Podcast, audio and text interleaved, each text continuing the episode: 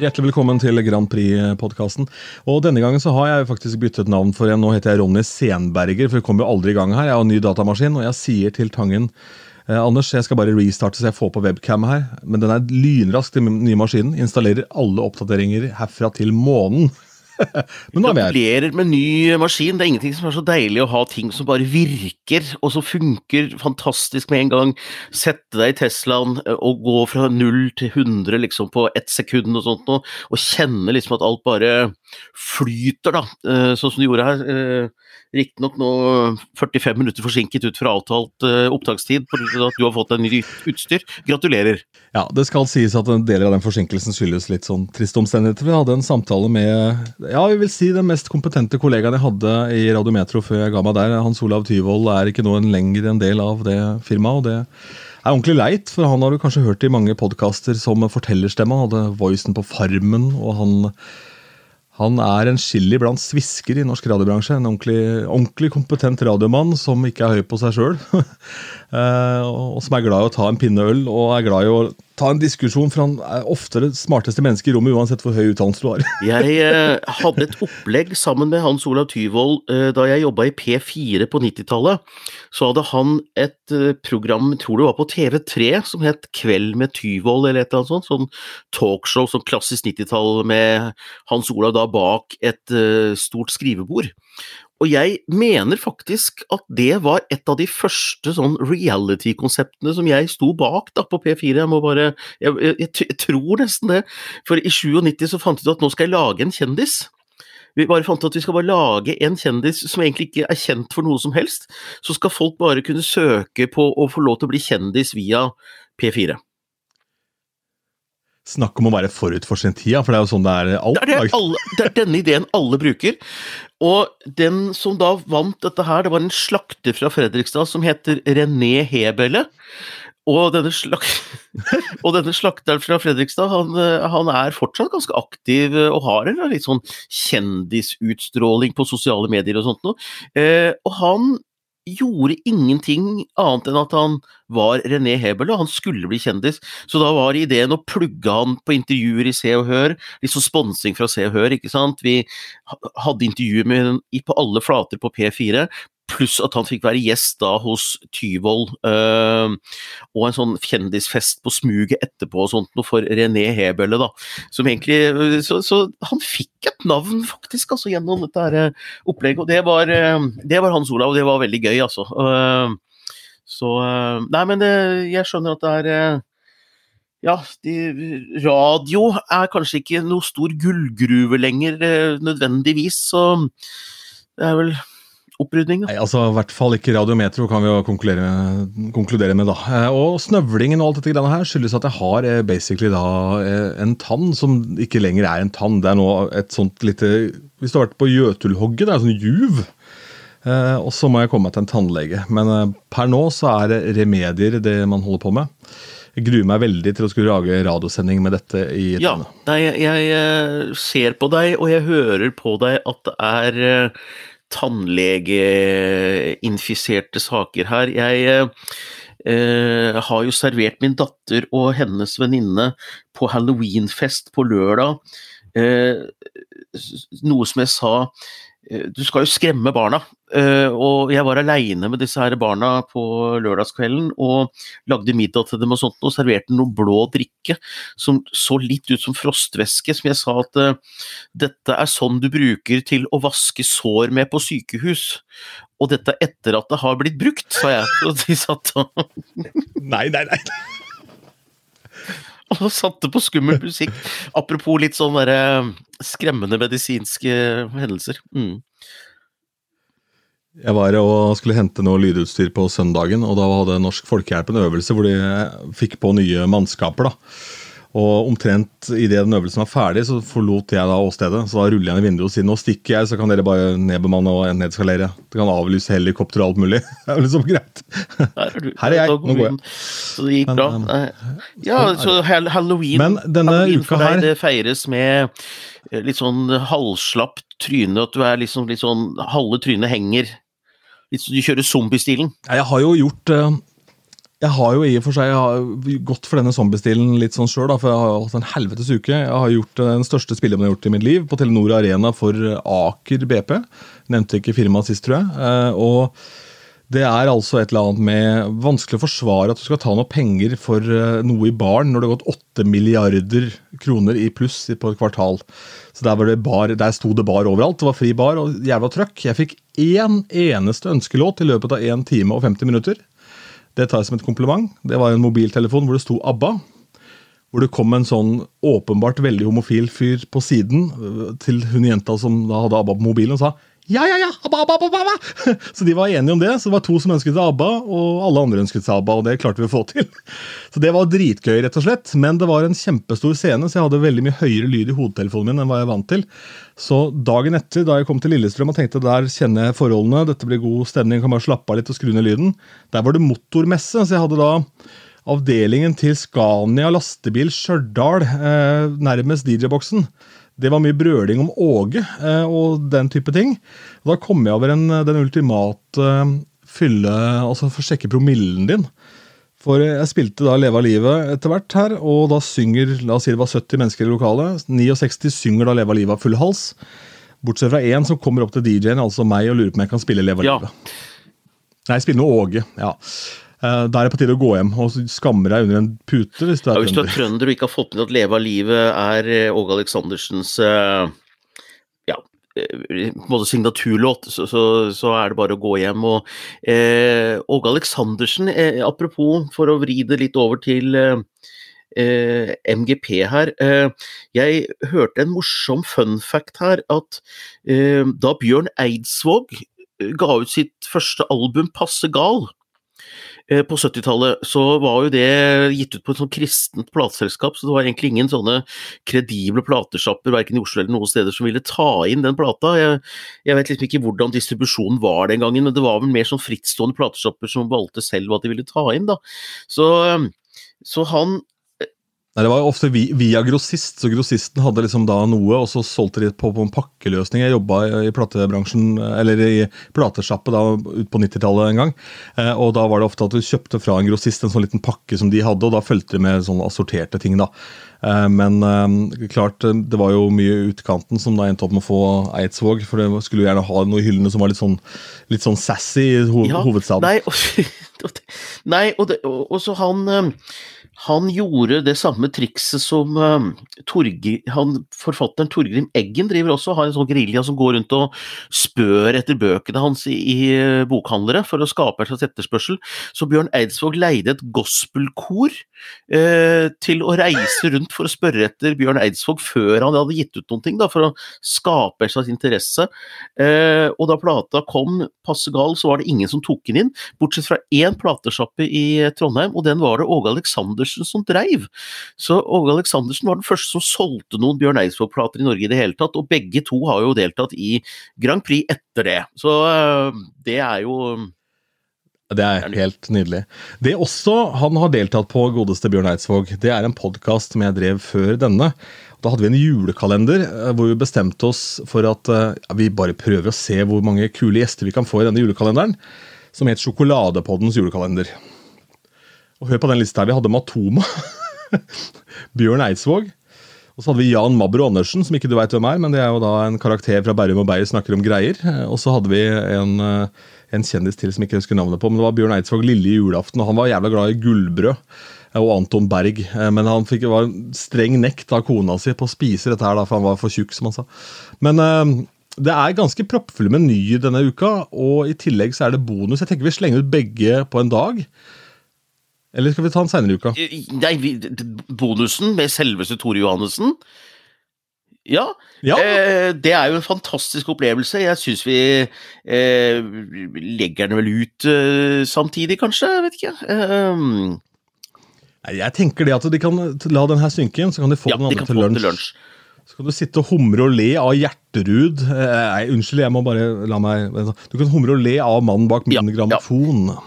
Fantastisk. Eh, vi har nå fått en relativt nær relasjon til Tore Johansen. Og det resultatet av denne litt sånn nære relasjonen kommer da i en bonusepisode litt utpå dagen på tirsdagen, så det, det blir fantastisk. Men som du sier, det er masse masse nyheter, og eh, den, en av de største nyhetene denne uka, det er jo at eh, ryktene sier, og ryktene stemmer alltid, fordi at uh, Melodifestivalen en helt annen måte å lansere artister på enn MGP, for MGP har jo mye hemmeligheter og det er en sånn stor lansering og sånt men borti Sverige så er det spinndoktorer, det er et politisk system som slipper ut lekkasjer i akkurat passe timing, og de kan dette spillet.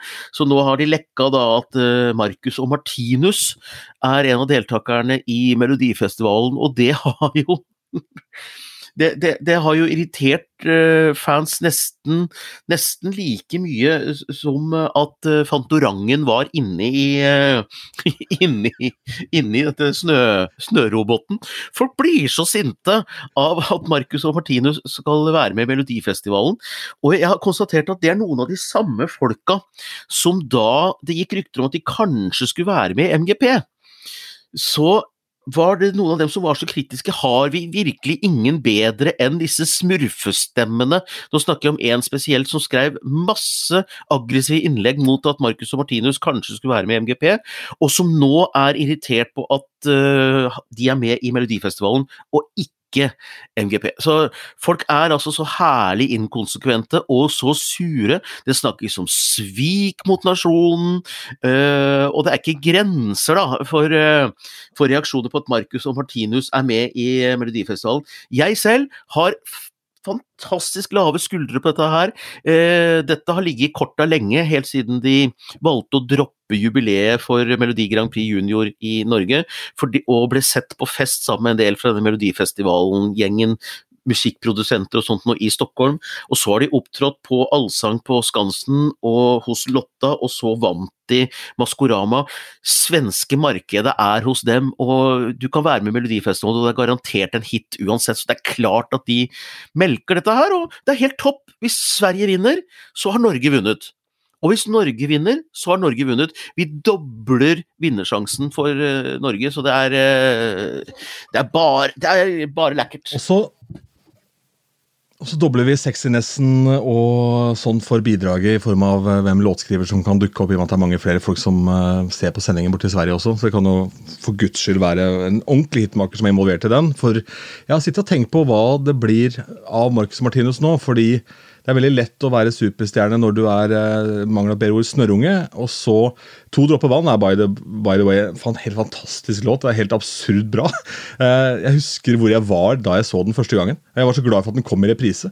Eh, for den var råbra, og de hadde masse sjarm, og de har jo fått til vanvittige ting. men hva gjør de nå videre? Dette sa man om Karpe òg. Hva gjør de nå? Fyll Spektrum. Så gjorde de bare ti ganger etterpå, da. Men det er jo ja, Det blir spennende å se om de klarer på en måte å bygge på det tårnet og, og stein for stein. Da, for det er kanskje vanskelig å kombinere fansen fra den tidlige perioden med da de de prøver å hooke igjen nå. Ja, altså De har jo en annen stemme. De har vært gjennom stemmeskiftet. men, men uh, uten at jeg har studert opptredenene deres verken på Allsang på grensen eller liksom Maskorama-greiene, så sies det at de har uh, har ganske gode stemmer også etter stemmeskiftet, og at de eh, har movesa og har på en måte en slags annen type sjarme, som er kanskje noe mer eh, skal vi si, kjønnsmoden enn den var da de var med i MGP junior.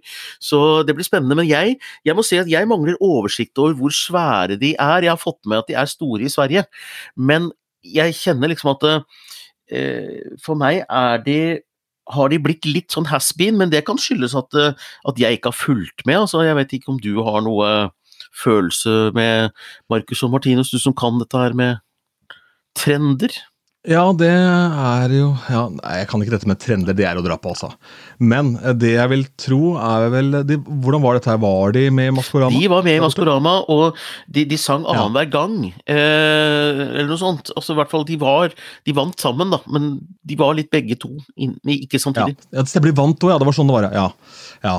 Eh, for denne, Da de eh, holdt på med Maskorama, så var jeg så dypt eh, inne i et prosjekt her for å, for å ha huet over vann, så jeg ga faen i hvem som var i Maskorama. Men det er jo åpenbart at det var jo da det første steget i å rigge seg for det som nå skjer. da, ikke sant? Og jeg, Den låta her gleder jeg meg til å høre, for dette tror jeg blir en skikkelig hit. De stiller jo ikke opp med noe som er dårlig, og de har nok jobba lenge med den også.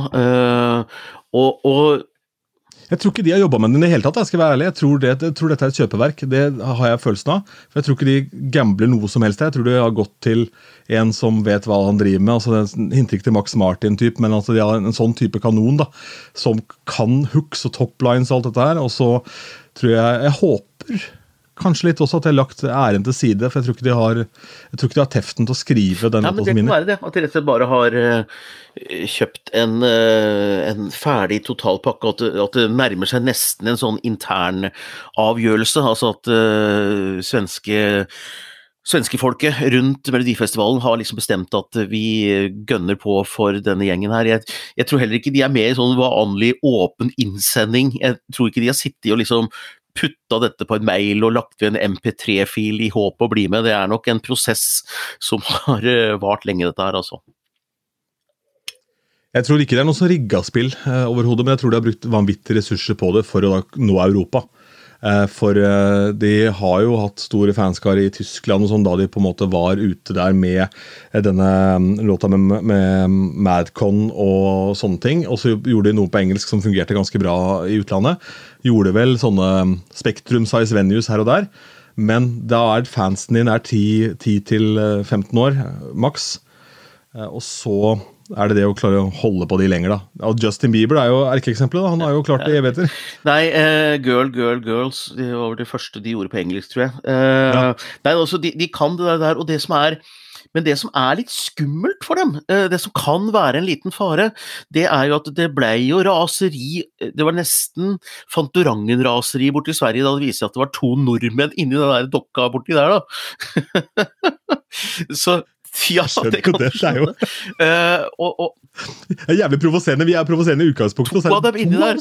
Og hvis de nå også vinner Melodifestivalen, og to nordmenn skal representere Sverige Så det er ikke gitt at svenskene stemmer fram uh, Marcus og Martinus i uh, Melodifestivalen. Det er ikke gitt, i hvert fall, og, og da kan det jo være litt uh, risikabelt, selvfølgelig.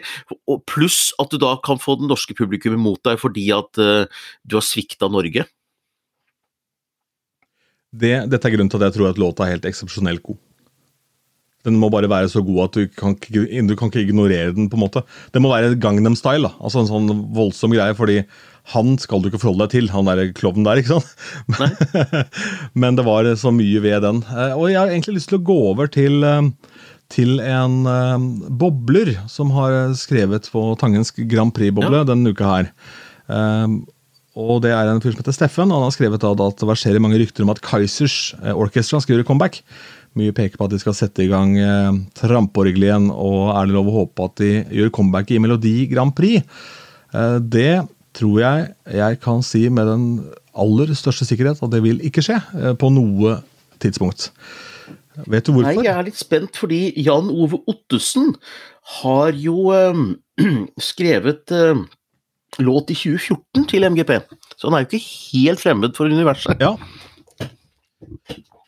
Nei, men det er ganske langt fra hans univers som soloartist og som låtskriver til Kaizers. Kaizers er et liveband. Ja. Ene og alene. Og Kaizers får aldri skinne som et liveband på tre minutter. Så det vil ikke, det vil ikke skje. Uh, for fansen til Kaizers som venter på det comebacket, de skal se Kaizers live. Det skal kjøres, og det skal spilles på disse oljetønnene igjen. ikke sant? Og alle de greiene der. Og da er det feil arena, rett og slett. Og la oss snakke om det. Uh, er det sånn at vi aldri får se bandene som har hevda seg på livescenen mer enn i hitverden, på en måte. Av sånn Big Bang også, da. ikke sant? Det er jo da uaktuelle, egentlig, for det er jo et liveband, det òg. Selv om de har flere hits enn Kaiser sånn etter hvert. da. Ja, godt spørsmål. Uh, band og MGP er jo litt så vanskelig fordi at uh, band har jo den energien ved at de, musikken blir til. Det blir noe dynamisk, det blir, noe, det, det blir eh, kjemi på scenen. ikke sant? Og når det da ikke er lov å spille instrumenter da, på, på scenen, så, så, blir det jo en rigg som passer bedre for altså, typen Julie Bergan med et fett eh, backtrack, ikke sant, og som er godt produsert. Uh, det, det, funker bedre i Eurovision enn et Dette... band. da. Dette tenkte jeg ikke over når jeg sto og gokla opp i hodet mitt med dette live-greiene, men da er det i hvert fall ikke Kaizers med, for de skal spille live, ja. da har, ellers har du ingenting igjen. Da har du bare en jævla rar låt som ingen skjønner. Ja, så kan stå med sånne svære oljetanker som de liksom skal stå og late som de spiller på. Ja, Eller gassmasker i denne tida vi er i nå. Ja, det er jo uh, musikalsk uh, så det holder. Uh, jeg, jeg, må, jeg, må, si at i dag, i, dag, fikk jeg frysninger. Jeg må bare si det, det er liksom parentes når det var pressekonferanse. nå er vi tilbake til pandemien hvor det er liksom ukentlig pressekonferanser om sikkerhetssituasjonen i våre nærområder. Og jeg er helt enig med en, en kommentator i Aftenposten, Kjetil Alstadsæter, som skrev at det skjedde liksom noe når den første norske generalen med fire striper sto i den marmorhallen og snakket om at men vi skal beskytte Norge og Norges interesser, så var det liksom et eller annet sånt derre Ja, nei, yes. Nei, så nå har jeg fylt opp uh, Nå har jeg fått med sånn beredskapslager, da, med ni liter vann og sånn her. Har jo det under senga. Ja, jeg, hadde, jeg, hadde, ikke en pakke Paracet over seg. Så jeg skjønner hvor forberedt jeg er. ikke sant? Jeg er glad i tjukk, for jeg kan i hvert fall leve litt på det. Men eh, når du nevnte den Maren, For det var samme salen de hadde ja. disse koronakonferansene. Ja, Jeg hadde valgt en annen venue. Mm. Bare sånn for å ikke minne folk på den dritten der, liksom. Sånn for nasjonens ve og vel. Ja, ja, ja. Nå er det krig, så vi velger noe annet. Kunne hatt det selvfølgelig på Akershus festning, da. Nei, faen. Kunne hatt det på ballrommet på Mækkern, bare for å ha en annen venue, en annen scenery. Bare... Ja, ja stø, Støre, ja, ja. Og, eh, Støre og forsvarssjefen i ballrommet på Ikea. Bare for å liksom gjøre det litt uh, moro rundt uh, et veldig alvorlig budskap. Det hadde i hvert fall gått viralt. Det hadde i hvert fall fått PR, da, tenker jeg. Ja, det er nettopp det.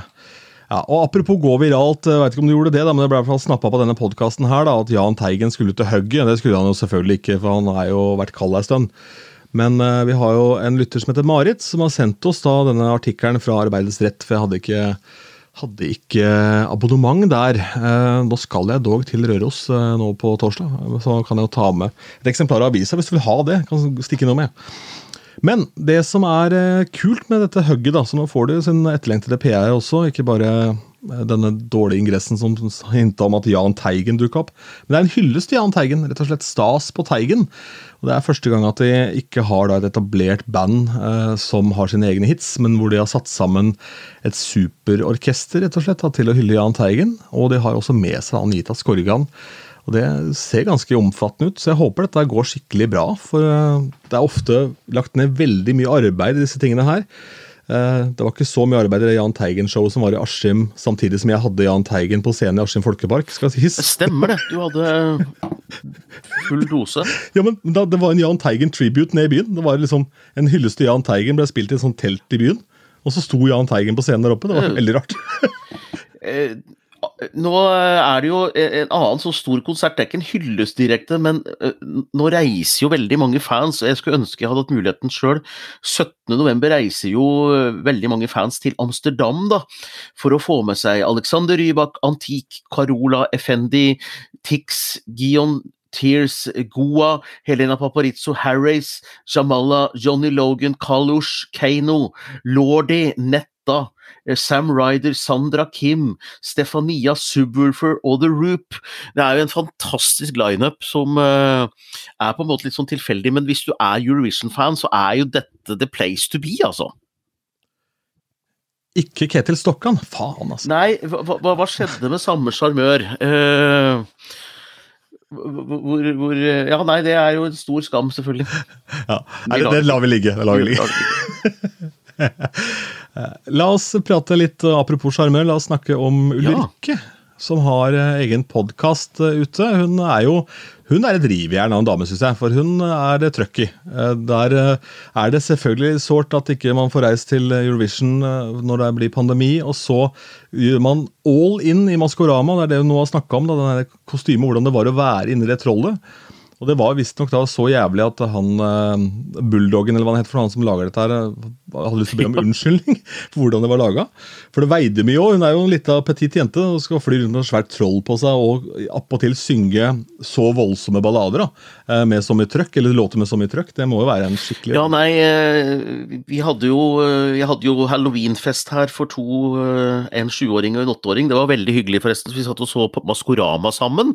Det var fantastisk gøy å se se det sammen med to, to barn. og eh, og Det er jo et fantastisk underholdningsprogram. Og, eh, og Maria, har jo, min datter, da, har jo hilst på Ulrikke. Det var veldig koselig. Hun var med meg i TV 2 en gang hvor Ulrikke var der, eh, hvor Marie var mer opptatt av at 'du er det trollet'.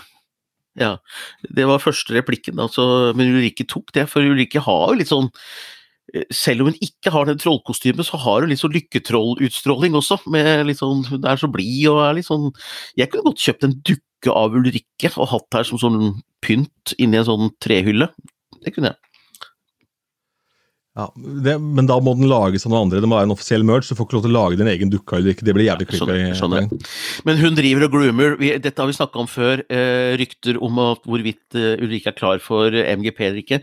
Hvis det er 2024 hun sikter seg inn på, da er det den lange valgkampen hun er inne på. Altså, for nå var hun da gjest på Grand Prix-klubbens treff den 29., pluss at hun har pusta liv i den der podkasten igjen. Tar jo selfier med alt som er av Grand Prix-fans. Så jeg tror hun driver og groomer, altså. Fortsatt. Grand Prix-fansen. Eh, Jeg har en alternativ teori der. Og det belages da på at jeg har rett i det jeg sier nå, for jeg er ganske sikker på at jeg leste det en plass, at hun skal gjøre juleturné i år for første gang utenfor, uh, utenfor Sarpsborg. Eh, og det kan jo potensielt sett bli en ganske fin butikk, det også, ikke sant? Eh, den runden der. Men hun har sikkert satt en del på spill, så det blir litt sånn som Kristoffer Schou hvert år i januar, så er jo han eh, horenes hore, for han gjør absolutt alt i hele verden for å promotere nye ski med The Dogs. Så jeg tenker at hvis hun rigger seg, rigger seg da for å få et sånt Kurt Nilsen-kjør, altså ikke på den måten, men at du har en juleturné hvert år som folk må gå og se, for det er en del av tradisjonen din, og da har du jo sikra deg, ikke sant. Så det kan godt hende at det er en sånn rigging til et voldsomt opplegg der. Kan være det. kan være det. Jeg holder en knapp på at det er MGP også, men MGP og julekonsert, det er jo Det er plass til begge deler. Uh, jula er, når jula er over, Ja, er så er det Grand Ole. Så Nei, det blir, det blir spennende, det, altså. Men, eh,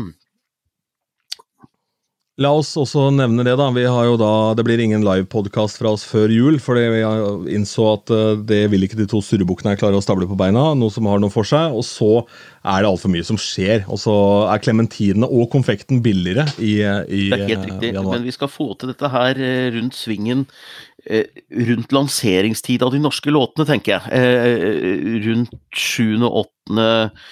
januar, altså litt før det virkelig sparker i gang. Eh, noe rundt der kan vi sikte oss kanskje litt inn på, så får vi se.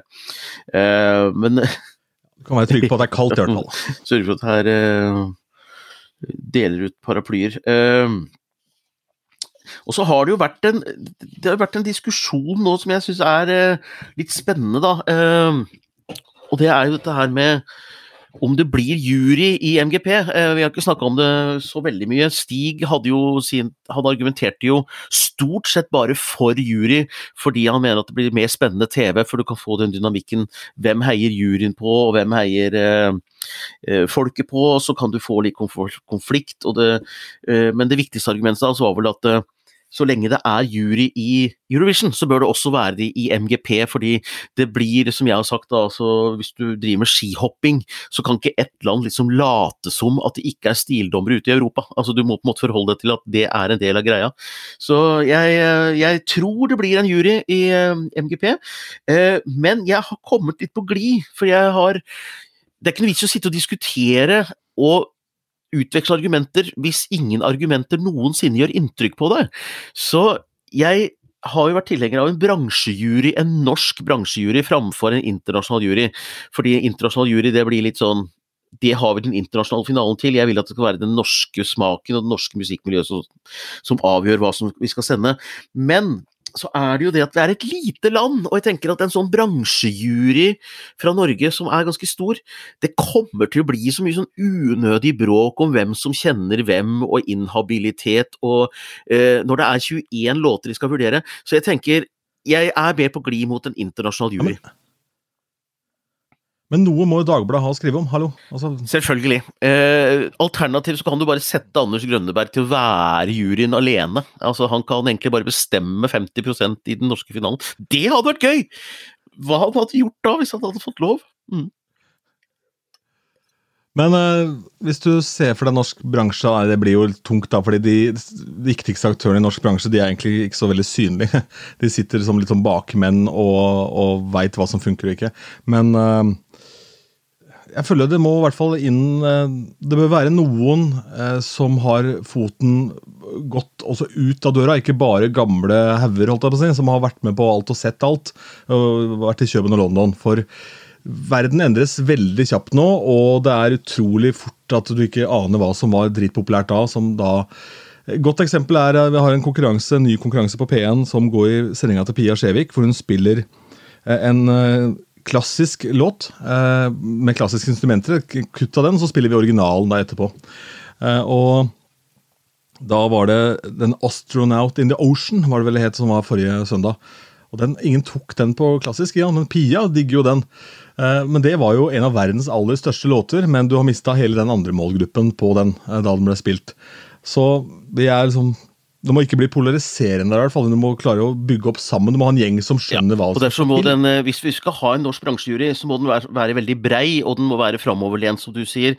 Eh, og jeg tror det hadde vært mulig å få til det, men fordi jeg mener jo at det å ha, til, det å ha som yrke å høre på musikk da får du mengdetrening, og du snapper mye raskere bra låter enn det et vanlig øre gjør. da. Altså det, det, det er bare ren matematikk. Det er eh, Jeg får sammenligne med vin igjen. da. Altså Hvis ikke noen på polet skulle ha peiling på vin først, og hvis bare skulle ta inn alt, og så skulle jeg gå rundt og betale 200 kroner for å teste ut alt for å finne noe jeg liker, det, det går jo ikke. Noen må gå løypa før meg, fordi de har De vet hva de skal leite etter, og så putter de de beste tingene i hylla. Og det trenger vi også i uh, i MGP, da, men, men jeg tenker at uh, det er litt morsomt også med en internasjonal jury at vi får inn liksom Ja, hvem av disse norske låtene er det Armenia stemmer på? Det tilfører et sånt morsomt element, da, men, men jeg vil helst at det skal være en norsk bransjejury. Men jeg, jeg veit ikke om jury er jo én ting, men hva, hva, med, hva, med, et panel med kuratorer, på en måte? Som uh, har en, en dobbeltstemme på et vis, fordi de har denne pondusen, da, ikke sant? Det må jo ikke være, må ikke være disse gamle traverne som har sett alt og veit alt, men det kan være folk i underskogen. Hva med Cashmere Cat? Kan ikke han være en kuratortype som hører på låten? ok, Hvilken låt er det som gir Ja, og jeg, jeg, Akkurat hvordan man løser det, det, det er jeg helt enig i. En sånn juryelement. Altså hvor, hvor eh, NRK1 hadde jo et program som også Stig Karlsen var produksjonsleder for, eh, eller prosjektleder for, som het The Hit. Hvor folk kunne sende inn låter, og så satt eh, en produsent i USA, satt, satt ulike produsenter, tre-fire stykker, som satt og hørte gjennom teiper som helt vanlige låtskrivere, sånn som meg eller hvem som helst.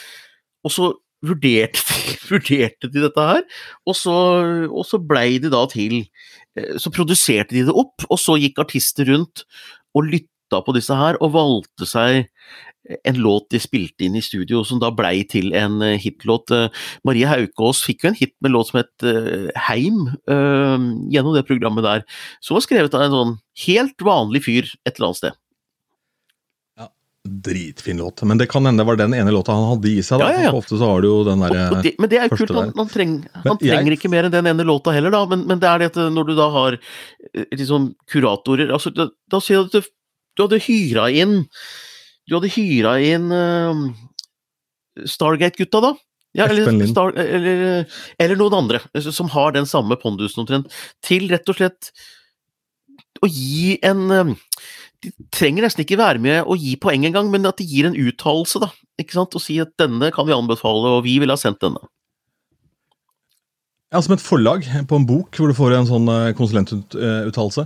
Eh, fordi det der er jo modellen til Max Martin. De jobber i team, og så kommer han da til Max Martin, som er han er jo kongen av liksom rockeriff i popmusikk. Har gjort det med alle dameartistene i verden og vunnet hver jævla gang. og Eh, han kommer da, og så plutselig er det en bridge der hvor det er på en jævla hissig gitar, gitt. Og den oi, da bare freser opp låta og gjør det på en helt annen måte. Og så er det det, da blir den gjenkjennbar. For det hadde han. Og så eh, er det andre folk som da har lydbildet anno 2022, ikke sant? som man samarbeider med, så splitter man krediten etterpå. Jeg tenker at en sånn type modell hadde vært dritkult. Og han eh, makkeren til Espen Lind i Espionage, Amund ja. Bjørklund, han er, jo, han er jo en harding, en tøffing. For jeg har lurt på hvordan Espelin klarte å slå seg, for han er så mild og hyggelig person. Men jeg skjønte at eh, det er Amund som er eh, han eh, playmakeren i det paret. Han har jo vært en slags rektor for denne hitskolen oppe på Lillehammer.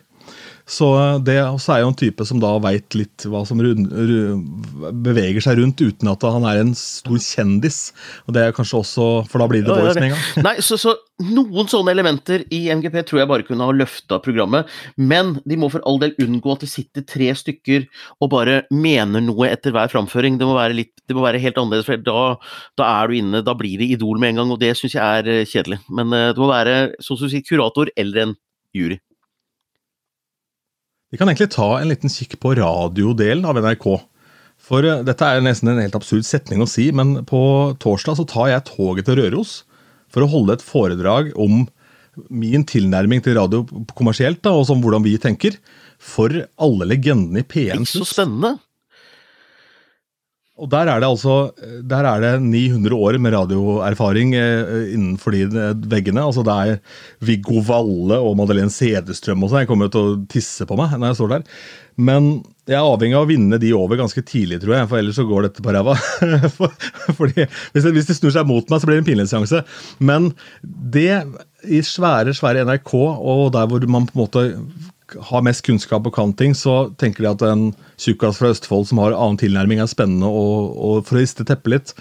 Og da kan vi få til det også i Eurovision, tenker jeg, eller i Melodi Grand Prix. Ja, men jeg, så, så, gøy, eh, og man skal ikke kimse av P1 pluss, altså det gjør en fantastisk jobb, og det er jo en kanal som eh, som er veldig ren og ryddig, og det er liksom det nærmeste du kommer den gammeldagse dampradioen. da. Jeg, jeg tok meg sjøl i å høre litt på P1 pluss her, jeg er egentlig målgruppa, men jeg syns at det, det er liksom pinlig å innrømme at du begynner å nærme deg det, da, men, men det er faktisk veldig, veldig, koselig å høre på. Og apropos det, jeg må, bare, jeg må bare si det, eh, det var utrolig trist. Jeg er eh, min nærmeste nabo i Hunndalen Eh, min lekekompis var en av de første offisielle sjefene i P1 pluss, Henning Olstad, som eh, døde nå nettopp. Så det var et trist budskap å få. Ja, så det blir en ve veldig rar seanse der oppe sikkert da. Men uh, de velger å gjennomføre fordi det hadde han ønsket, selvfølgelig. Fordi han var opptatt av fag.